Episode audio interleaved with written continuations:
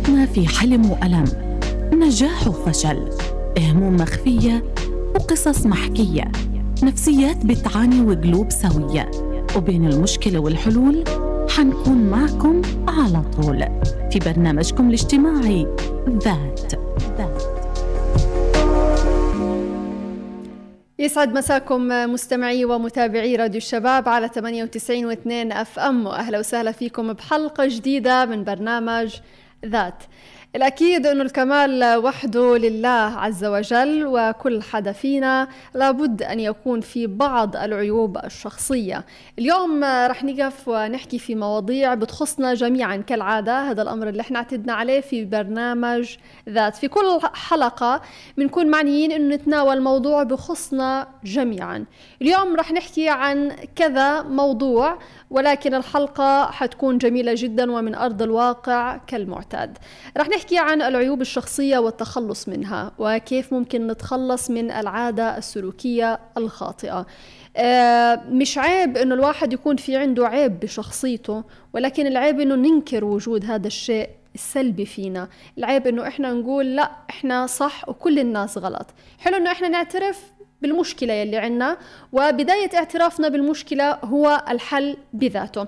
رح نحكي بالتفصيل عن هالموضوع مع الدكتور ضياء أبو عون استشاري دعم نفسي وتربوي. دكتور يسعد مساك وأهلا وسهلا فيك في استديوهات راديو الشباب. أهلا وسهلا مساء الخير عليك وعلى السادة المستمعين جميعا والمتابعين. نورتنا دكتور وأنا بتشكر وجودك معنا وتخصيصك وقت من وقتك لنا أهلا وسهلا فيك واجب. يسعدك دكتور يعني بالبداية رح نحكي عن العيوب الشخصية. آه، المشكلة اليوم اللي بنواجهها إنه كثير من الناس بتنكر العيوب الشخصية اللي موجودة عندها. فبالبداية خلينا نحكي بالعموم عن أكثر العيوب الشخصية شيوعا بين الناس. آه، طبعا يعني الكمال لله عز وجل. أكيد بداية. والعيوب الشخصية موجود. يمكن عند كل شخص هناك بعض العيوب. إنكارها شيء آه، يعني قد يكون منطقي لأنه سبحان الله ما حدش آه، بيحكي عن زيت وعكر. بيحكي عن زيت وعكر تمام. آه ولكن يعني من أغلب العيوب الشخصية هي يعني مثلا آه البخل تمام. آه نقضان الوعود أو مخالفة العهود آه العصبية. التدخين آه، الكسل والخمول السلبية في التفكير آه، عدم حب الذات التوقف عن الحلم بعتبرها برضو يعني لما نقول لك مثلا آه، خلي حلمك على قدك لا خلي حلمك دائما أعلى. أكبر واجري وراه اسعى. صح. يعني العصبية حكيناها طبعا. صحيح. العناد آه الانغماس في العمل لدرجة كبيرة جدا لدرجة إنه أنا بسخر كل وقتي للعمل للعمل ما فيش وقت آخر مثلا للأسرة للترفيه للعناية بالذات آه هذه كلها يعني تعتبر من العيوب الشخصية ممكن. الكذب الإدمان العادات السلبية بعض المشروبات اللي ممكن تكون بزيادة عن الحد مثلا الكافيين أو الكذا. مظبوط. الإدمان بشكل عام. كل هذه تعتبر من العيوب الشخصية في الإنسان اللي لابد أن يعترف حتى لو لذاته. فيها.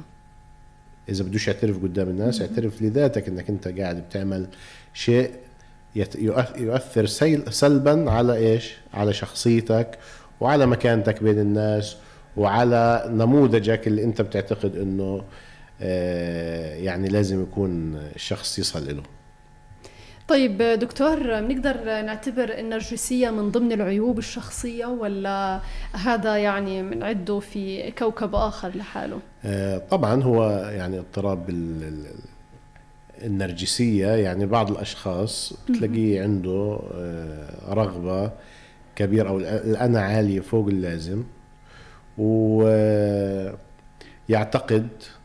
بهذه السلوكيات آه، إنه بيسيطر على العالم وبيسيطر على الناس. ولكن هذه طبعا من العادات اللي الإنسان آه، بتدخل في قائمة الاضطرابات النفسية. أيوه. تدخل في قائمة الاضطرابات النفسية إذا كانت يعني إذا كانت بشكل عميق على حسب درجتها. يعني في في ناس آه، عندهم الإشي بسيط في متوسط في مرتفع وهكذا. يعني بصراحة النرجسية هذه رح نحكي عنها بحلقة كاملة لإلها لأنه اليوم طبعا. بلشت تزداد خاصة مع تعظيم الذات في مواقع التواصل الاجتماعي. الآن رح ننتقل لحتى نشوف تقرير أعدته لنا زميلتنا رنا حمادة. آه، تعرفنا على الناس شفنا شو آه، مميزاتهم وحكوا شوي عن عيوبهم ورح نعقب شوية على موضوع يعني حابة أني أستفسر عنه. خلونا نشوف مع بعض. كتير في صفات حلوة موجودة في شخصيتنا الناس بتعجب فيها وإحنا كمان بنحب إنها تكون موجودة بشخصيتنا. وعلى العكس تماما في بعض الصفات اللي ما بنرغب إنها تكون موجودة بشخصيتنا. لهيك اليوم رح نسألكم أكثر صفة بتحبها تكون موجودة بشخصيتك وأكثر صفة ما بترغب إنها تكون موجودة بشخصيتكم. خليكم معنا وتابعونا لنشوف آراء الناس. من الصفات الحلوة في شخصيتي الاحتواء إني بحتوي أي شخص مهما كانت شخصيته. إني فعليا يعني كان معصب كان بارد أعصاب إيه، ما كانش عنده كان عنده كيف أقول لك إنه بيكرهني بيحبني بحتويه وبحتوي إلي يعني. طيبة القلب والمعاشرة الناس بس؟ والله الحمد لله محبوب وبحب الناس وبفزع للناس وزي هيك. الادب بين الناس الاحترام يعني. الحمد لله بين الناس محترم. الصفة الحلوة الإيجابية إن أنا حنون كتير كتير كتير يعني. وطيب كتير كتير. الحمد لله رب العالمين. الصفة الشخصية اللي أنا بحسها كويسة يعني كتير في حياتي إنه أنا إنسان آه، عفوي. بحب إن أكون معطاء. يعني طيب القلب. بحب أصحابي وبحب أهلي. بحب الناس أو بحب أتفاعل مع الناس. اجتماعي بزيادة. بسامح بسرعة آه، طيبة زيادة عن اللزوم آه، بعمل الخير بسرعة. بنسى أي شر بتعرض له بسرعة بسرعة يعني. والصفة السلبية إني برضه طيب كثير كثير يعني زيادة عن اللزوم. عصبيتي الكثيرة فاهم كيف إني ممكن من أقل حاجة أنرفز تمام؟ وتكره الشخص فيه يعني. بعصب يعني كبيرة كبيرة عشر دقايق وبرجع طبيعي. آه أنا شخص عصبي. زيادة عن اللزوم عن الطاقة يعني. عصبي شوية. عصبي كتير. عصبية يمكن زيادة عن اللزوم. إنه في مثلا بعض شغلات بحاول إني أعدل فيها كسلوك كتصرف كتعامل. كلحظات غضب مثلا. أحاول قدر المستطاع أتمالك الموقف اللي بيصير. شغلة شغلة ثانية أحاول أبتعد عن الناس اللي ممكن أن يستفزوني كثير عادي إذا حسيت حالي ضل مباراة دي بعد شوية. بعصب حالي بعصبش على الناس. أحيانا خلص طيبة القلب لزيادة بتشعر اللي حواليك إنه أنت لا يعني خلص هذا شخص معقد أو شيء وأنا طيب يعني من داخلي طيب طيب كثير فبحس إنه هذه الشغلة بتأذيني. حدا بيعصبني حدا مقرب أنا مش حابب اخسره بتركه. بترك بترك المكان اللي هو فيه وببعد عنه شوي. طبعا بالبداية الزميلة رنا حمادة مشكورة على إعدادها هذا التقرير ونرجع لك دكتور من جديد. يعني خلينا حبيت إنه هم عرضوا مميزاتهم وحكوا عن الأمور الجميلة فيهم بس حنعقب على الأمور السلبية بما إنه اليوم الحلقة عن العيوب الشخصية. يعني في أغنية بتقول طيبة قلبي دمرتني ولا مشكلتي؟ آه دمرت لي حياتي. فبرأيك يعني طيبة القلب ممكن تكون عيب؟ وهل الأشخاص اللي بيحكوا عن حالهم طيبين القلب مع احترامي للناس اللي معنا في التقرير بالفعل بيكونوا طيبين؟ والله شوفي هي طيبة القلب طبعا مستحيل تكون عيب. حلو. ولكن آه إنه أحيانا الإنسان برضه نفسه عزيزة عليه. ولازم لازم دائما يعطيها التقدير ويعطيها الاحترام. آه إذا ما لقيتش هذا التقدير مش لازم أضل أنا طيب مع يعني ممكن أنا أتعامل بنفس الطريقة عشان أنا أحترم نفسي. يعني صح. مثلا أنا ليش أنجبر إن أنا أضلني أتعامل مع ناس ما بقدروني بالفعل. وأتعامل معهم بطيبة قلب وأتعامل معهم بكذا. لا ببعد عن الناس هذه. تمام؟ بالفعل.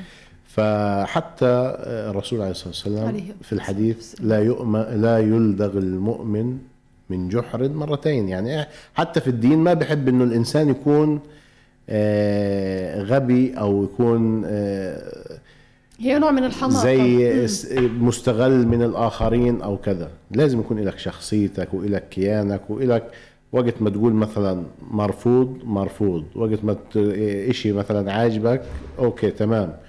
أما في بعض الأشياء إحنا بنعملها وإحنا مش مقتنعين مش مقتنعين فيها ورغما عنا عشان ما نقولش لأ. تمام؟ هذه في طيبة قلب. زيادة عن اللزوم. طب أنا ليش أنا أضلني أقول آه آه عشان ما أر... عشان ما أزعلش الآخرين؟ في النهاية بيجي على حساب إيش؟ على حساب صحتي وعلى حساب شغفي وعلى حساب آه، نفسيتي حياتي. وعلى حساب حياتي. فلأ في في في بعض الأوقات لازم طيبة القلب تكون بحدود معينة تمام؟ وتكون مع الأشخاص اللي بيستحقوها. صح. على الرغم إنه دائما الإنسان لازم يكون في يعني يتعامل بطيبة قلب وبحسن معاملة وكذا حتى لو أظهر لك الطرف الآخر غير ذلك. ولكن أنا المقصد اللي أنا بدي أحكيه ما يكونش نظام حياة إنه أنا بدي أتعامل مع جميع الناس بطيبة حتى لو بتعامل بتعاملوا معي بأسلوب غير مش جيد أو لا ألقى منهم التقدير. لا لازم كمان إنه يعني نفسي أحطها في المكان الذي يليق فيها. بالفعل. آه، في عنا ناس مثلا ممكن يخلطوا ما بين إنه أنا بعرف قيمة نفسي بعرف وين أحطها وما بين الغرور. بعتبره الإنسان اللي عارف قيمة نفسه هو إنسان مغرور. لكن الموضوع اللي أنا بدي أتطرق له الآن موضوع حساس جدا وإنت حكيت فيه آه، اللي هو الرفض. كثير من الناس آه، بتخاف ترفض. مع إنه من جوا مثلا أكون رافضة هذا الأمر بس بقول لك ماشي أوكي تمام. هدول الناس ممكن يكون في عندهم كره للذات أو عندهم مشكلة في مصطلح اليوم صرت أشوفه على مواقع التواصل الاجتماعي الطفل الداخلي. يعني ربما لا يكون يعني في ارتباط بالطفولة. يعني أنا. مثلا والدي إذا انت رفضتي الشغلة الفلانية أنا ما بحبك. إذا كذا بكون مربوط في حدث زي زي هيك يعني. فشو المشكلة هذه يمكن حكى عنها اللي هو عالم النفس روجرز اللي هي شروط الأهمية. أيوه. وشروط الأهمية آه، هي الأشياء اللي بتكون كشرط لمحبتنا من قبل الوالدين أو كذا إنه لازم أعمل هيك عشان أجد أحبك. اللي هو حب من الوالدين. وهذا طبعا آه، ممكن يسبب اضطراب نفسي عند الشخص إذا ضل يعمل الأشياء اللي هو مش مقتنع فيها بسبب إنه بس عشان أرضي الآخرين. تمام؟ فالتحرر من شروط الأهمية هذه هي بداية الخلاص من اللي هو إيش؟ الاضطراب النفسي. ولكن طبعا إنه في بعض الأشياء إنه لازم يكون في آه، يعني بتحكمنا في المجتمع العادات التقاليد الأعراف الكذا. يعني هذا أحيانا لابد إن الإنسان يتأقلم معها أو ينسجم معها وهذا يعتبر من الذكاء. تمام؟ إنك أنت تندمج في المجتمع. قدرة قدرتك على الانسجام والاندماج في المجتمع والتوافق معه هذا يعتبر من الذكاء. ولكن لما يكون الإشي احسه أنه رغما عني بدون قناعة بدون كذا من الأفضل إنك أنت تتحرر منه وتمارس السلوك اللي أنت شايفه صح. مناسب طالما أنه لا يخل بال بالإيش؟ بالرفض الاجتماعي. حلو كتير. دكتور حننتقل ل- يعني قبل ما نبلش في العادات السلوكية السلبية والسيئة لأنه حنحكي عن مجموعة من الأمور السلبية بس بالبداية بشكل عام العيوب الشخصية اللي موجودة م- فينا أو العادات السلوكية الخاطئة كيف ممكن نتخلص منها ونتحرر منها بسهولة؟ آه، قبل ما نودي حالنا للهاوية أو نصير شخصيات منبوذة في المجتمع ونخسر اللي بنحبهم تمام. آه، يعني صراحة ال- العيوب الشخصية والعادات السلبية آه، لو سكتنا عليها ممكن زي ما انت حكيتي تخسرنا ناس آه، علاقات ممكن أخسر عملي. صح. تمام. ممكن أخسر أعز أصدقائي. لذلك من المهم أول شيء إن أنا دائما أعمل تقييم لذاتي. حلو. يعني إحنا مهم إنه أنت شوف كيف الناس بينظروا لك. مش بس ب... ما بتكفي نظرتك انت لنفسك. على الرغم انه هي الأهم نظرتك لنفسك ولكن برضه مهم جدا تسمع آراء الآخرين. مش رح- رحم الله امرئ امرئ. أهدى إلي عيوبي. بالفعل. ليش؟ لأنه هذه العيوب أنا برضه آه، مهم ما تضلش. يعني كل إنسان فيه عيوب صحيح لكن أنا لازم أسعى جاهدا إنه أنا أتخلص أقومهم. أتخلص من هذه العيوب وأقومها وأحاول إنه أنا آه، ما أخليهاش تكون يعني آه، حواجز أمامي وما بين مثلا علاقاتي الشخصية نمو المهني تفاعلي مع الآخرين آه، انسجامي في المجتمع علاقاتي الأسرية مع نفسي مع أولادي وهكذا أو مع صحتي كمان ممكن. لذلك كويس إنه أنا أول شيء أول خطوة في عملية اللي هو التخلص من العادات السلبية هو إنه إحنا نحدد ما هي هذه العادات. وإحنا طبعا كثير أنشطة في علم النفس في الجلسات العلاجية دائما بنستخدم بعض الأنشطة. إنه مثلا آه، أذكر لي ثلاث صفات إيجابية فيك وثلاث صفات سلبية أو ثلاث صفات بتحتاج إنك أنت تحسنها أو تتخلى عنها. تمام؟ وفي أنشطة كتير بنشتغل فيها على هذا الموضوع حتى في طريقة التفكير السلبي. يعني بس المهم إنه أول شيء إنه إحنا نحدد بنفعش نضلنا هيك بدون ما نكون في تحديد. آه والله أنا بدي أتخلص من عادة مثلا التدخين أو بدي أتخلص من عادة الفشخرة الزيادة عن اللزوم أيوة. والأنا العالي في الكلام مع الناس أو بدي أتخلص من عادة مثلا مقاطعة الناس في الحديث.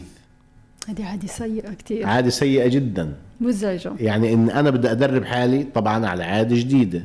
إيش هي العادة الجديدة؟ وهو طبعا في في في في التخلص من العادات السلبية لابد من إحلال عادة إيجابية مكان العادة السلبية. مثلا أنا بقاطع الناس بدي بدي أحل بدي أتعود إن أنا أستمع جيدا للناس وأصغي خلال اللي هو إيش؟ الحديث. آه، فمهم جدا إنه إحنا أول شيء نحدد ما هي العادة السلبية التي نريد أن نغيرها في أنفسنا. ثم بعد ذلك نسأل أنفسنا لماذا نريد أن نتخلى عن هذه العاده السلبية؟ لأنها مثلا أثرت على علاقاتنا بالآخرين لأنها آه، يعني كل الأشياء اللي بدنا نستحضر كل الأشياء اللي أنا بتخليني إنه تغيير هذه العاده أمر ملح بالنسبة لي. وبعد هيك بدي أتخيل نفسي بعد ان أنا خلصت من هذه العاده تمام؟ التخيل هذا بيعمل حتى مثلا الحديث أمام الجمهور أو الحديث أمام كذا. بدي أتخيل نفسي كيف أنا بديت أتحدث أمام الجمهور وعندي قبول وصلت المعلومة بالشكل المناسب ولقيت إنه في ناس انبسطت من الحديث تبعي. كله هذا بدي أدخله في إطار تخيلي وبعد هيك أبدأ أنفذ لو أشياء بسيطة. حلو. يعني أنا خلينا اعمل الجوال صار نعم خذ راحتك دكتور. يعني الآن أنا بدي أرتب حياتي بدي أعرف شو الأشياء يلي أنا لازم أتخلص منها وأبدأ أشتغل عليها.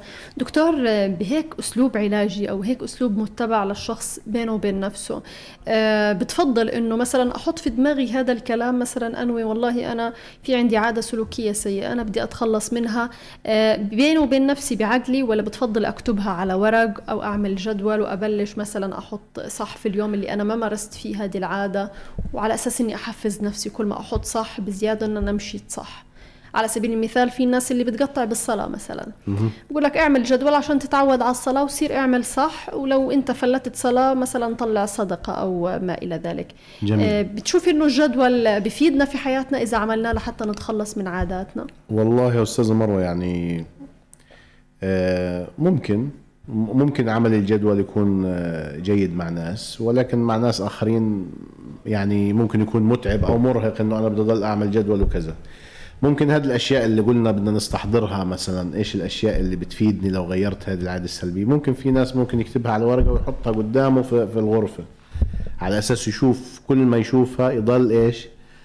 يتذكر. يتذكرها وكذا.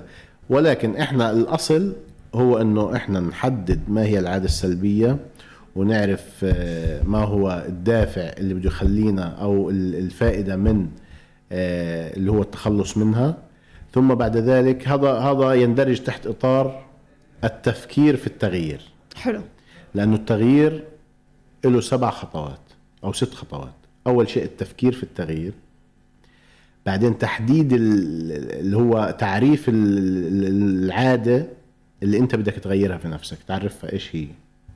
ثم بعد ذلك آه، البدء بجمع المعلومات عن هذا الأمر. يعني مثلا أنا بدي أقلع عن التدخين. بدي أحضر لي كم من فيديو في هذا الموضوع كيف بقلعوا عن التدخين إيش ممكن الأعراض إيش ال... يعني زي دراسه لسه أنا ما ما بديت تنفيذ بشكل تفكير. بشكل اللي هو عملي. تمام؟ أو حتى ممكن العصبية. بدي أعرف عن العصبية. طب إيش اللي بخليني عصبي؟ طب إيش الاستراتيجيات اللي بتقلل من العصبية. كيف ممكن أتعامل مع- نفسي لما أعصب؟ كيف أعمل إدارة غضب؟ هذه الأشياء آه، المعلومات مهم إن أنا آه، أعمل آه، دراسة يعني بسيطة. آه أعمل ريسيرش بحث عنها وأكون ثم بعد ذلك اللي هو البدء الفعلي بالتغيير. هذا دير بالك كل مرحلة عن مرحلة ممكن تقعد سنين. والله يعني آه، يعني في ناس- بيغير مش بسرعة. لا هو في ناس مثلا كتير مثلا بتلاقيه مدخن ولكن ما جتش اللحظة اللي بده ي... خلص. هو مخ... هو في ذاته مش مقتنع في التدخين. هو في ذاته مؤمن تماما إنه عنده مشكلة العصبية. هو في ذاته مؤمن تماما إنه عنده مشكلة مثلا ال... الكسل والخمول والسلبية. ولكن لسه ما جاش وقت التغيير. هو لحتى الآن إيش؟ يعني خلص مستسلم لهذه في العادة الداخل فقط. بس هي هذه تعتبر اللي هي الخطوة رقم واحد إنه طالما أنا شاعر في المشكلة ووجودها عندي هذه هي تعتبر إيش؟ الخطوة الأولى. ليش؟ ليش أنا بقول لك هذه الخطوة الأولى؟ لأنه في ناس لسه مش شاعرين. أيوه يعني بيعتبر إنه سلوكه هذا عادي طبيعي. أنت فاهم كيف؟ بقولش إنه أنا. عصبي. بقولش ان أنا التدخين عادي سلبي. لا بقول لك أنا منيح اللي تعرفت عليه. لأنه بخليني رايق. لسه ما دخلش في الخطوة الأولى تبعت التفكير في التغيير. هذا طبعا؟ الشوط معه طويل يطول الشوط معه طويل ولكن شوفي يعني ممكن لحظة ممكن لحظة تكون فيها تغيير. ممكن هدول الست خطوات يقعد أسبوع وممكن يقعد سنين. فكل مرحلة عن مرحلة أول شيء التفكير في التغيير ثم بعد ذلك آه، يعني تحديد المشكلة وتعريفها أو تحديد العادة وتعريفها. ثم بعد ذلك اللي هو إيش؟ جمع المعلومات عنها وكيف ممكن نغير وكذا. ثم بعد ذلك اللي هو البدء بالتطبيق الفعلي على أرض الواقع. نعم. البدء بالتطبيق الفعلي على أرض الواقع والممارسة العملية. ثم بعد ذلك في مرحلتين مهمات جدا. شو هم وهم اللي هو الاستمرار. أيوه. يعني في كتير ناس ببدأ أسبوع زمنه بينقطع. أسبوع زمان مم. وبرجع بترجع ريما لعادتها القديمة. هذه سيئة. وهذا اللي إحنا يعني مشكلة انه معظم الناس اللي بتلاقيهم بيقدموا على خطوة التغيير الاستمرار هو أهم ما في التغيير. هو أصعب نقطة. الاستمرارية آه وهي أصعب نقطة. لذلك مثلا المدخن مش مش إنجاز إنك أنت يعني توقف التدخين أربع أو خمس أيام أو أسبوع أو شهر أو شهرين. الاستمرار. الاستمرار هذا لازم يكون يعني وبعدين كل عادة سلبية تحتاج إلى سبع أيام لكي تتشكل واحد وعشرين يوم لكي تتجذر في شخصياتنا. فأنا لازم يعني مثلا أنا لو عندي مثلا آه، ما بمارس رياضة وبدي أبدأ أدخل اللي هو ممارسة رياضة بشكل يومي نص ساعة أو ساعة في اليوم مشي أو جراي أو كذا. تمام؟ تمام. فأنا بكفيش إن أنا أروح أجري اليوم الأول والثاني والثالث وبعدين أنحبط وأقعد وكذا. لا بدي أستمر. 21 يوم. لبعد الأسبوع بتبدأ الرياضة تكون جزء من حياتي ولكن مش جزء أصيل.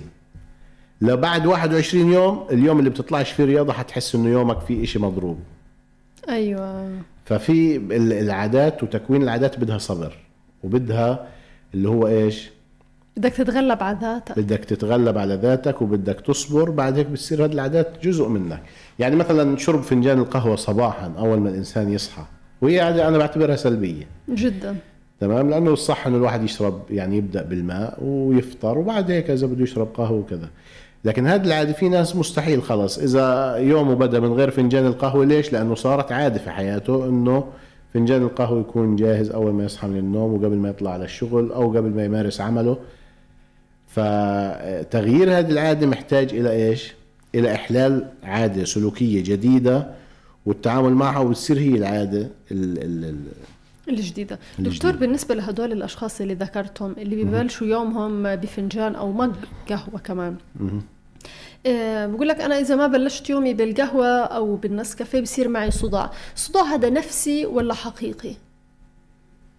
اللي بينصابوا فيه. يعني بقول لك أنا بعصب بقدرش أعمل ولا حاجة إلا أدخن أو أشرب قهوة أو كذا. الصداع هذا مرتبط مرتبط بال بالعادة اللي أنا يعني بمارسها كل يوم. بمارسها كل يوم. وهو أص- أساسه نفسي. أيوة. تمام؟ هو لما بيشعر حاله إنه آه ما شربتش فنجان قهوة يضل يعني شاعر بنقص معين حيصدع. يعني هو هذا كله بسبب يعني. آه بسبب اللي هو إنه هو مقنع نفسه إنه فنجان القهوة هذا هو اللي حيعدل. له بيروق لي راسي وهو اللي كذا فالقناعة أيوة. بتأثر كثير في الس... في المشاعر وبتأثر في السلوك وبالصحة قناعاتنا. كمان بالجسد يعني نفسه إيش إحنا بنعتقد تتأثر به المشاعر وت... ويتأثر به السلوك كله مربوط في بعضه في كله مربوط في. بعضه دائرة على سيرة ال- القناعات والأمور اللي. في حياتنا ذكرت من ضمن العيوب ال- ال- التفكير السلبي. الناس اللي حياتهم كلها سلبية إذا بدك تطلع مشوار بضلهم متخيلين إنه في واحد فينا رح ينفقد. إذا كانوا مثلا طالعين في أسانسير يطلعوا هيك تخيلوا يقع فينا الأسانسير. إذا هم في قارب تخيلوا مش عارفة شو يصير فينا. يعني ناس متأثرين بال بال بالأمور السلبية بشكل كتير كبير. الأفكار يمكن السلوك ها يعني في إشي إحنا بنلمسه على أرض الواقع سلوك ملموس. بس الأفكار ما بنشوفها ولكن بتأثر علينا أكثر من السلوك. كيف ممكن نتغلب على أفكارنا السلبية؟ طبعا هذه الأفكار تسمى تشوهات معرفية. حلو. آه، وتحدثت عنها اللي هو النظرية المعرفية السلوكية لأرون بيك. وتحدثت عن العديد من التشوهات المعرفية منها الت- التعميم. يعني إنه أنا صار معي موقف مثلا الموقف هذا بخص شخص معين أعمم على كل عيلته أو أعمم على كل. إنه أنت تمام أو مثلا جامعة معينة درست فيها صار معي موقف مع دكتور عممت على. كل الجامعة أنا هذه الجامعة فاشلة أو كذا آه، ال- ال- اللي هو حاجة ثانية اللي هو ال- آه، التفكير الكارثي أيوه. التفكير الكارثي هو إنه أنا دائما أتوقع ما هو سلبي وأتوقع إنه يصير أشياء زي ما أنت حكيتي تمام؟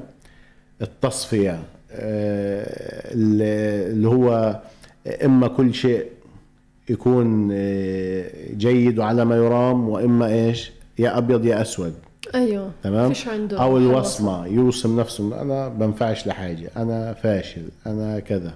طب هذه كلها تشوهات معرفية بتأثر على سلوكنا وبتأثر على إيش؟ على مشاعرنا. يعني أنا الحين لو بدي أروح أتعلم إنجليزي ودائما أنا بوصم نفسي إن أنا فاشل في. الإنجليزي صفر في الإنجليزي. طب ليش أنت وصمت نفسك هذا الوصم؟ ممكن أنت ما تعلمتش الإنجليزي عشان هيك أنت مستواك ضعيف. لكن لو رحت تعلمت حتلاقي حالك إنك أنت إيش؟ إنك أنت كويس. بس هذه الوصمة بتأثر على إيش؟ حتى على سلوكنا وعلى استقبالنا للغة. بصير عندك بطء في الفهم آه هذه التشوهات المعرفية كثير هي يمكن تقريبا 16 تشوه معرفي تمام؟ محتاج الإنسان إنه مم. يستطيع إنه يفهمها آه على أساس يشوف إيش الطريقة اللي هو بيتعامل فيها مع الآخرين. ممكن كمان اللي هو خلينا نذكر منهم بعض الأشياء. يا ريت. آه، حكينا عن التفكير ال- الكارثي عن التعميم عن اللي هو آه، أبيض آه، فيش اسود عنده منطقة متوسطة. فيش عنده منطقة متوسطة. آه، في عندنا اللي هو آه، ال- ال- اللي هو إيش؟ النظر إلى الجانب ال- المظلم. سلبي مم. دائما يعني التفكير السوداوي. إنه ما ما- عنده أشياء كتير كويسة ولكن إيش؟ دائما الانتقاء السلبي بسموها السلبي. الانتقاء السلبي. عنده أشياء كتير كويسة ولكن بركز دائما على نصف الكوب الفارغ من حياته. أعتقد دكتور هدول نفسهم الشخصيات اللي مثلا آه، اللي قد ما تعمل معروف وتغلط أو تصير لك هفوة واحدة بنسف كل خيرك وبمسك في الهفوة اللي نزلت منك. أكيد. تقريبا هم نفس الشخصيات. هم نفس الشخصيات ولكن زي ما حكينا إنه مختلف. طريقة تفكير الأشخاص بتختلف من شخص إلى شخص. يعني في ناس عندهم التعميم في ناس عندهم هو طبعا هذا بكون آه، ناتج المعتقدات هذه بتنبني من خلال إيش؟ من خلال تجاربنا الحياتية والأشياء والأحداث اللي إحنا مرينا فيها. يعني مثلا آه، سيدة مر- مرت في تجربة زواج فاشل. بتعمم. ممكن تقول لك خلص أنا يعني جميع الأزواج إيش؟ حيكونوا بنفس الطريقة. ليش أنا أعيد التجربة هذه تاني؟ فهذا اسمه التعميم. هذا يعتبر تشوه معرفي. بخلينا نح يعني آه، بأثر على سلوكنا من ناحية إيش؟ اللي هو ممكن يتأثر على الناس خلص. بدهاش تتزوج أخذت قرار إنه ما بديش أعيد هذه التجربة مرة ثانية وحتأثر على أقرانها أو على الناس حواليها. مح- محتاجين إنه إحنا نشتغل على هذا التشوه المعرفي لأنه هذا التشوه المعرفي هو أصلا فرضية وليس آه، مثبت منطقي. حقيقي. وليس ولي آه وليس مثبت حقيقي. لذلك مهم جدا إنه إحنا نبعد عن هذه التشوهات ونبدأ نفكر بشكل إيش؟ بشكل أكثر منطقية واقعي. في المحيط اللي إحنا عايشين فيه. ونقدر اللي هو آه، يعني آه، هذه التجارب اللي إحنا مرينا. نخليها مثلا مواقف تعليم. يعني في ناس. كثير مم. آه في ناس كثير مثلا بمروا في في مشاكل بمروا في أحداث بواجهوا بعض الأشياء الإشكاليات ولكن بتعلموا منها. في للموقف اللي بعد. فمهم جدا إنه إحنا نفكر بهذه الطريقة. هذا اسمه التفكير الإيجابي. بالمناسبة التفكير الإيجابي ليس إنه أنا أنظر للشيء السلبي إلى إنه إيجابي. التفكير الإيجابي هو إنه إحنا يعني ما ما نوقفش عن ال- المحاولة. المحاولة وما نوقفش عن إنه إحنا نتعلم من الأخطاء. بالفعل. هذا هو التفكير الإيجابي. جميل جدا. دكتور ننتقل ل آه، يعني مشكلة موجودة عندنا كلنا خاصة في قطاع غزة وهي المشكلة اللي لاحظناها في التقرير اللي شاهدناه. آه، بحكم الطبيعة اللي إحنا عايشينها أو الظروف اللي بتخلينا دايما أعصابنا شادة آه، مع الأسف إحنا وصلنا لمرحلة إنه إحنا منفش غلنا في بعض وعصبيين يعني حتى الطفل الصغير بتلاقيه مثلا في بعض الأوقات بيكرز على حاله وعصبي. كل واحدة بتيجي بيقول لك أنا والله ابني عصبي. وحتى مثلا في بيئة العمل ممكن تلاقي الزملاء بفشوا غلهم في بعض رغم إنه هم بيحبوا بعض بس ما بعرف شو اللي بيصير عندنا. إحنا وصلنا لمرحلة من العصبية بطلنا نقدر نسيطر على حالنا خاصة في قطاع غزة. فنحكي عن هذه المشكلة شوي كيف ممكن نسيطر على حالنا أو نخفف من عصبيتنا على بعض؟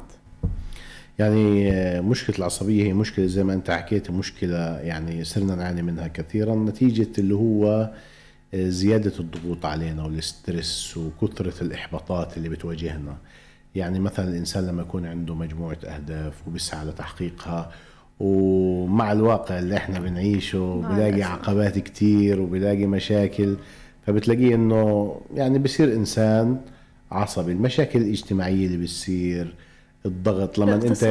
حتى الناس المرتاحة مثلا لما يلاقي مثلا أخوه بيعاني لما يلاقي مثلا آه، أخته بتعاني. تمام؟ فكلها إحنا البيئة عندنا الاجتماعية برضو بنتأثر وبنأثر فيها. يعني إحنا عايشين وسط اجتماعي. كل إنسان بتلاقيه إيش؟ بتأثر وبأثر في الآخرين. تمام؟ آه، ضغوط العمل المشاكل الشخصية اللي بتصير معنا الصدمات النفسية اللي بنمر فيها هذه كلها بتأثر على شخصيات الإنس... شخصية الإنسان وبتخلي منه شخص آه، عصبي. العوامل النفسية القلق الاكتئاب آه، الصدمات العاطفية اللي بتصير كل هذه مسبب رئيسي في العصبية. فإحنا مهم جدا لما نيجي نتعامل مع الشخص العصبي أول شيء إنه إحنا بدنا نمتص عصبيته. في كتير بيقول لك كيف نمتص عصبيته؟ إنه أنا ما ما أبادله نفس التعامل. يعني مثلا أبادله ردة فعل برضه عصبية. ليش؟ لأنه زي كأنك بتحط الزيت على النار بتولع الدنيا. بالضبط. فإحنا لا إحنا بدنا نتعامل معاه بأسلوب إيش؟ عكس ما هو إيش؟ بتعامل. يعني إذا هو على صوته أنا بدي إيش؟ بدي أهدي صوته. بدي أستمع له. بدي أ- بدي أطلب منه إنه يهدى مثلا. أسأله كذا سؤال أعرف ليش هو تصرف بالطريقة معصب. هذه. لأنه أنا ممكن مثلا آه، مش فاهم وجهة نظره كي- آه، كيف هو بفكر. لذلك مهم جدا إنه أنا أفهم المشكلة من منظوره بس هذا بيجيش إلا بالحوار وبالهدوء يعني بدنا نغلب لغة اللي هو إيش الحوار حوار. وفي نفس الوقت بدنا نعرف إنه هذا الشخص يعني عنده إشكالية تمام آه فمهم جدا إنه إحنا نتع- نتعاطف معه نحاول. نلم الموضوع نحاول آه إنه إحنا. ما نتعامل بردة فعل هذا أهم شيء آه شغلة ثانية إنه الأشخاص العصبيين هدول تمام؟ آه مهم في التعامل معهم اللي هو آه يعني إذا حسينا إنه الأمر زاد عن آه، زاد عن. الوضع الكذا وبده يزيد فتيل المشكلة خلص انسحب من المكان. زي ما حكى أحد الأشخاص اللي في التقرير قال أنا لما بعصب بطلع ما بشوف الشخص. طبعا. وطبعا وصايا الرسول عليه الصلاة والسلام يعني إن الواحد انه يتوضأ الإنسان يتوضأ ليش؟ لأنه. الماء يطفئ اللي هو ال- ال- الغضب تمام؟ غير الجلسة تغيير الجلسة إذا كنت واقفا فاجلس وإذا كنت جالسا فاتكئ وإذا كنت يعني هذه تغيير الجلسة الهدوء أيضا بيعطيك سبحان الله أنت لما تكون واقف ومعصب وكذا وتقعد حتهدى تلقائي تتغير لحالك تمام. دكتور الاستغفار العدل العشرة في سرك. يعني مثلا صار في هذا وبدك تعصب حاول إنك أنت إيش؟ تعدل العشرة في سرك قبل ما تبدي أي ردة فعل. فكر بطرق تل... خلي عندك ثلاث ثلاث خيارات. ما تديش خيار واحد. تمام؟ في الرد. يعني حاول إنك أنت تدرس اللي هو إيش؟ قبل ما تطلع أي سلوك كرد فعل إيه، حاول إنك أنت إيش؟ تتأنى شوي. تفضل. أيوه. دكتور آه، رح ننتقل لعادة.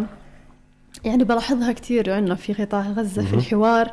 الحوار بيكون بصوت عالي مع إنه الموضوع بيكون بسيط جدا وهذا الأمر لاحظته في أكثر من حالة. آه، الموضوع جدا يعني عادي. كأنه بنتحاور بهذا الحوار. تلاقي أحد الأطراف لما بيجي بيناقش بيناقش بصوت عالي. آه، هذه يعني المشكلة كيف ممكن يتم ضبطها؟ خاصة مسألة الصوت مزعج. يعني الإنسان لما بيسمع الصوت العالي بحس إنه هو مش مرتاح وبيستنى الشخص هذا إنه يسكت لأنه بيعمل له قلق حتى لو كان كلامه طبيعي. كيف ممكن يحلها هذه المشكلة؟ إيه، لما يكون هادي لما يكون هادي مثلا نحكي له إنه أنا ما بيعجبنيش فيك مثلا الصوت العالي في الحوار وبخليني مثلا آه، ما أكملش معك تمام؟ أو ما نطلعش بإشي مثلا مثمر في خلال الجلسة من أسلوبك ومن صوتك. العالي يعني كويس ان أنا أواجه الشخص في بعض العيوب اللي ولكن ما اواجهوش إنه في اللحظة. أيوه. تمام؟ لما يهدى ويكون كويس ورايق والله بيعجبنيش فيك مثلا كذا. تمام؟ بلحظة السفر. آه أنت كويس في شغلات وكذا لكن في عندك اللي هو الصوت العالي بتخلي الناس آه يعني يتجنبوك أو كذا أو فمهم جدا إنه إحنا نواجه الشخص في عيوبه وحتى إنه يبدأ هو يغير منها يحاول إنه ينتبه. يغير منها وينتبه لها تمام؟ وعشان إحنا ننتقد الأشخاص انتقاد بناء مهم جدا إنه إحنا نبدأ في الإيجابيات. أيوه. آه يعني نقول له مثلا زي ما أنتم بديتوا في حلقتكم عجبني في الحلقة إنه آه، قبل ما تحكوا كو- حتحكوا له إيش عيوبك الشخصية قلت له إيش إيجابياتك. صح؟ مزبوط يعني بدي أشكر أبو العبد هي هاي الفكرة منه بصراحة. أنا بدي أشكره كثير إنه نبهنا لهذا الموضوع. آه فكويس إنه إحنا نبدأ في الإيجابيات عند الشخص خصوصا إنه إذا الشخص بينه وبينه علاقة شراكة أو زمالة في العمل يعني يوميا بواجهه أو بتعامل معه. مهم جدا إنه إيش؟ يكون بيننا نوع من اللي هو إيش؟ التناغم وال مساحة تسمح لنا والانسجام. نحكي بالعيوب والمميزات اللي ما بيننا. المساحة صحيح. الآمنة يعني. أكيد. حلو كتير. حننتقل لنوع شخصية يمكن إحنا بنتغلب جدا بالتعامل معها في المجتمع. هي الشخصية الحساسة. يعني كل واحد فينا مر بحياته إما بنت أو ولد من أولاده أو زميل أو زميلة في المدرسة أو في العمل وما إلى ذلك. شخصية حساسة جدا. يعني أنت بتكون محتار شو تحكي معاها لأنه بتحس شو ما عملت أنت غلطان. الشخصيات الحساسة هذه كيف ممكن نفسرها نفسيا ونتعامل معها كمان؟ الشخصيات الحساسة غالبا بكون عندهم في عندهم ضعف في الثقة بالنفس وهذه مشكلة تمام. إنه أي كلمة ممكن تهزه أي كلمة وهذا ال- الأصل إنه يشتغل على آه، الصلابة النفسية عنده على أساس إنه يبدأ يعني يكون أكثر يجمد. قوة في آه، التحمل وأكثر قدرة على مواجهة المواقف اللي بيع- بيع- بيعاني منها يعني هذه مشكلة كبيرة. إحنا بالنسبة للشخصيات الحساسة برضو بدنا نحاول إنه إحنا لما نعرف إنه في شخصية حساسة وكذا يعني نتعامل معهم بأسلوب حذر تمام؟ آه بدوش حد يمزح معه نحترم ذلك تمام؟ آه نحاول قدر المستطاع إنه إحنا نبعد عن الأشياء اللي بتزعجهم لأنهم هم حساسين يعتبروا. ولكن دير بالك برضه مشكلة يعني هي تعتبر مشكلة العصبية مثلا الزياده عن اللزوم أو الشخصية الحساسة زيادة عن اللزوم هذه تحتاج إلى تدخل يعني تدخل ممكن يكون من شخص مختص نفسي أو معالج تمام؟ ليش؟ لأنه في ناس كتير الآن موجودين في السجن بسبب اللي هو العصبية.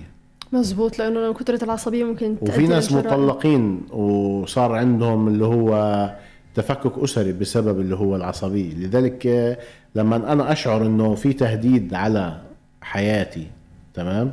وفي تهديد على استقراري. مهم جدا إن أنا أطلب المساعده وهذا طبعا إشي كويس وبالعكس إشي يعني يعتبر إنه كل شخص فينا بيحتاج لممكن تدخل من شخص آخر على أساس إنه إحنا نعرف متى بدات المشكلة وإيش الأسباب اللي خلتها موجودة ونبدأ يعني نعمل خطة علاجية ونس- ونساعد في حل هذه الإشكالية مع الشخص اللي عنده مشكلة العصبية. بالفعل. أما إحنا لو بدنا نضلنا مثلا نتعامل معاه على هواء أو نتجنبه أو كذا هذه برضه مش حياة. صح. تمام؟ بالفعل. بس مهم جدا إنه إحنا مثلا إذا كان عصبي زيادة عن اللزوم نحاول إنه إحنا نساعده في اللي هو العلاج يطبق الأشياء هذه. نذكره بعض ال- الأشياء يعني هو مهم جدا إنه يبدأ يفكر كيف بدي أتخلص من هذه العادة ويسجل. مثلا آه، ليش اليوم عصبت مثلا؟ إيش السبب؟ إيش الموقف اللي صار؟ طب هل هو مستاهل؟ هل هو كذا؟ لما يبدأ يسجل بصير أكثر قدرة على الفهم. فهم ذاته. وإحنا كتير فهم الذات مهم جدا لإيش؟ ل آه، يعني علاج. آه، علاج أو التخلص من العيوب الشخصية. بالفعل. حننتقل برضو لعيب آخر دكتور. ولفتني بصراحة لما سألتك السؤال الأول في بداية الحلقة عن أكثر العيوب الشخصية شيوعا حكيت لي اللي هو آه، موت الأحلام أو فقد الشغف أو المشكلة هذه اللي صرنا نلاحظها اليوم فينا إحنا كفئة شباب. بسبب الظروف برضو. أنا بحكي هذه مش شماعة أنا بعلقها بس بصراحة إحنا وعينا بظروف انقسام وبين الثانية بين الفترة والثانية عدوان. آه، الشاب بيحاول يطلع بحياته بيلاقي العدوان مثلا دمر له آه، مشروعه أو الضرائب أنهكته. فبتلاقي إنه إحنا تقريبا عندنا مرحلة طفولة شيخوخة. يعني تقريبا إحنا نقدر نحكي مرحلة الشباب عندنا انتسفت. والله مش من باب ال- السلبية لكن هذا الواقع ومنقدرش إنه إحنا نحط ماسك على الواقع تبعنا. لكن كيف ممكن نرجع نحيي أحلامنا؟ آه، يعني مهم سؤالك حقيقة. وبالفعل إحنا الشباب الأيام هذه يمكن بواجهوا صعوبات أكثر على مستوى اللي هو تحقيق أحلامهم وأهدافهم وطموحاتهم. ولكن آه، برضو خلينا نكون واقعيين أكثر ونستحضر إنه العديد من الشباب حققوا إنجازات آه، رائعة برغم الظروف اللي إحنا بنعيشها ورغم الصعاب والتحديات والحصار الموجود على غزة والمضايقات والحرب والاحتلال إلى أنه في ناس حققت اللي هو أهدافها وطموحها بالعكس يعني وكان في نماذج آه، رائعة جدا. لذلك إحنا مهم جدا إنه آه، نحاول دائما دائما يعني آه، كل ما نصحى من النوم نصحى إحنا متفائلين وعندنا الأمل في غد مشرق. هذا أول إشي يعني إنه إحنا نكون متفائلين ونعمل اللي علينا وما نفكرش. يعني في ناس قبل ما يقرأ جامعة ويخلص جامعة بقول لك لا طب ما أنا حجيب شهادة الجامعة ومش حتوظف. طب ليش أنت هيك حكمت على نفسك؟ ادرس اعمل اللي عليك يا أخي. وبعد هيك إحنا حتى لما أخذنا شهادات جامعة مش على طول توظفنا. صحيح. يعني يمكن اشتغلنا في آه، تخصصات أو في أعمال ليست لها علاقة كليا بالشهادة. بالشهادة اللي إحنا فيها عبين ما أجت الفرصة. ولكن الشهادة سلاحك يعني بنسميها سلاحك بيدك الشهادة هذه سلاح. تمام؟ حيجي وقتها. وحتى ولكن برضه مهم جدا إنه أنا ما دام أنا تخصصت في تخصص معين لا يكفي إنه الشهادة الشهادة هذه عبارة عن رخصة. زي كأنك أنت أخذت الرخصة وما عندكش السيارة. طيب أنا بعد هيك برضه مهم إن أنا أتميز في هذا التخصص لأنه اليوم أنا بعتقد إنه الزمن اللي إحنا فيه هو زمن آه، الفرصة للمتميز. فعلا. تجيك لعندك. إذا تميزت في التخصص اللي أنت فيه وركزت فيه حتجيك الفرصة. لذلك مهم جدا إنه إحنا آه، يعني ننظر للموضوع من جانب إيجابي اللي يخدمني. لو أنا بدي أقول مثلا الانقسام وأعلق شماعات هذه الأشياء أنا سألقى لها مبرر. حقول لك آه والله معك حق لكن في الآخر أنت نفسك مش حتسامح نفسك لأن. لأنه المبرر هو ما بحل المشكلة. صح. تمام؟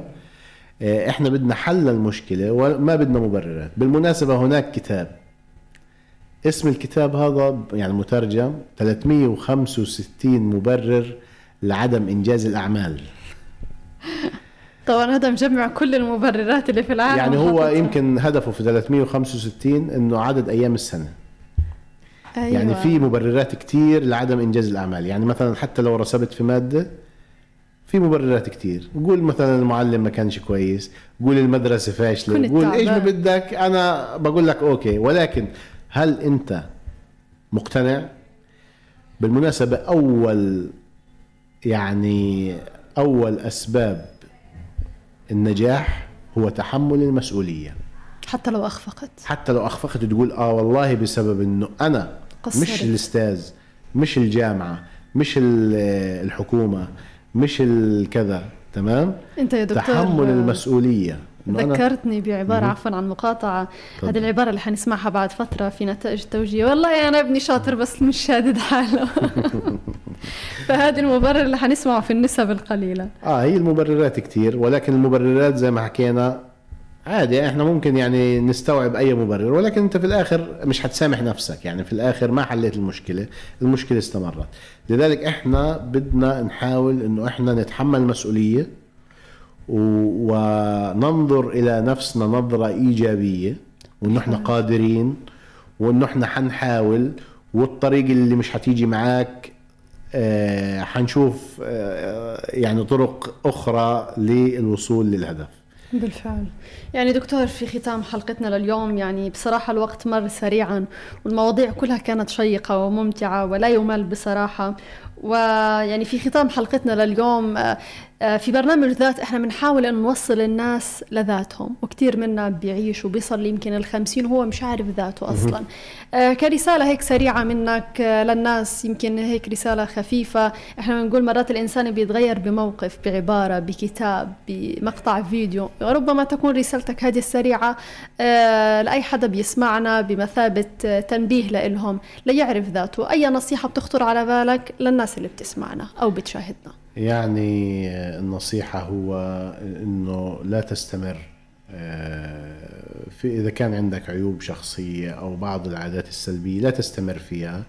بالعكس اعترافك لذاتك بهذه العيوب والبدء فعليا في التغيير قد يكون يعني آه، بمثابة اللي هو إنك أنت آه، نجاة لنفسك صح. تمام؟ من مشاكل كتير ممكن أنت تقع فيها مستقبلا وتحاول تكون يعني إيجابي في نظرتك لهذه الحياة وإنه الإنسان آه، قدر المستطاع إنه يسعى ورا حلمه ورا شغفه ورا إنه آه، يحاول إحنا يعني كل ما نكبر وكل ما ننضج بنضج معنا الوعي وبنضج معنا وفي كتير من الأشياء اللي كنا نعملها بنبطل نعملها ليش؟ لأنه وصلنا لمرحلة النضج. فإحنا بدنا نحاول قدر المستطاع إنه إحنا آه، يعني نحاول إنه إحنا نتخلص من هذه العادات السلبية والعيوب الشخصية لكي آه، يعني ننفتح أكثر على المجتمع وفي علاقاتنا تكون متوازنة أكثر.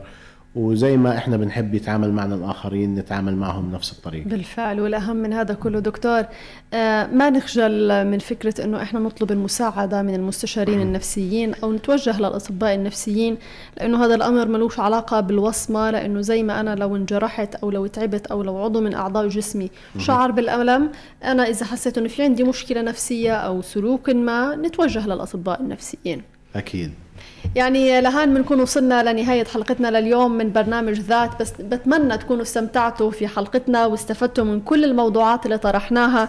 هي موضوعات موجودة بحياتنا ربما هذه هذه الموضوعات بتمس معظم الناس يلي استمعوا لنا آه، العيوب الشخصية كثيرة ولكن حبينا ناخذ أشهر وأكثر العيوب انتشارا في الآونة الأخيرة. طبعا يعني كل حدا فينا هيك يفكر بينه وبين ذاته. يمكن آه، بعرف إنه معظم الناس مش بسهولة بتنام. فإحنا صفنين في السقف هيك قبل ما ننام. خلينا نراجع حالنا نشوف إحنا لوين حابين نصل. إحنا اليوم وين؟ ولوين بدنا نصل؟ وكيف بدنا نصل؟ كل واحد فينا يفكر بحاله منيح. آه، ابتعدوا عن المقارنات مع الناس يلي حواليكم لأنه المقارنات رح تدمركم كتير. خلينا نحب حالنا لأنه مستحيل نقدر نحب حدا ولا حدا يحبنا طالما إحنا مش معطين لنفسنا الحب والاهتمام والدلال الكافي. تحياتي لكم وتحيات طاقم العمل من الهندسة الصوتية الزميل محمد كساب ومن الإنتاج المرئي والتصوير الزميل محمد الجرو وأنا كنت معكم من الإعداد والتقديم محبتي لكم أنا مروة مسلم. إلى اللقاء. في حياتنا في حلم وألم. نجاح وفشل. هموم مخفية وقصص محكية نفسيات بتعاني وقلوب سوية. وبين المشكلة والحلول حنكون معكم على طول في برنامجكم الاجتماعي ذات.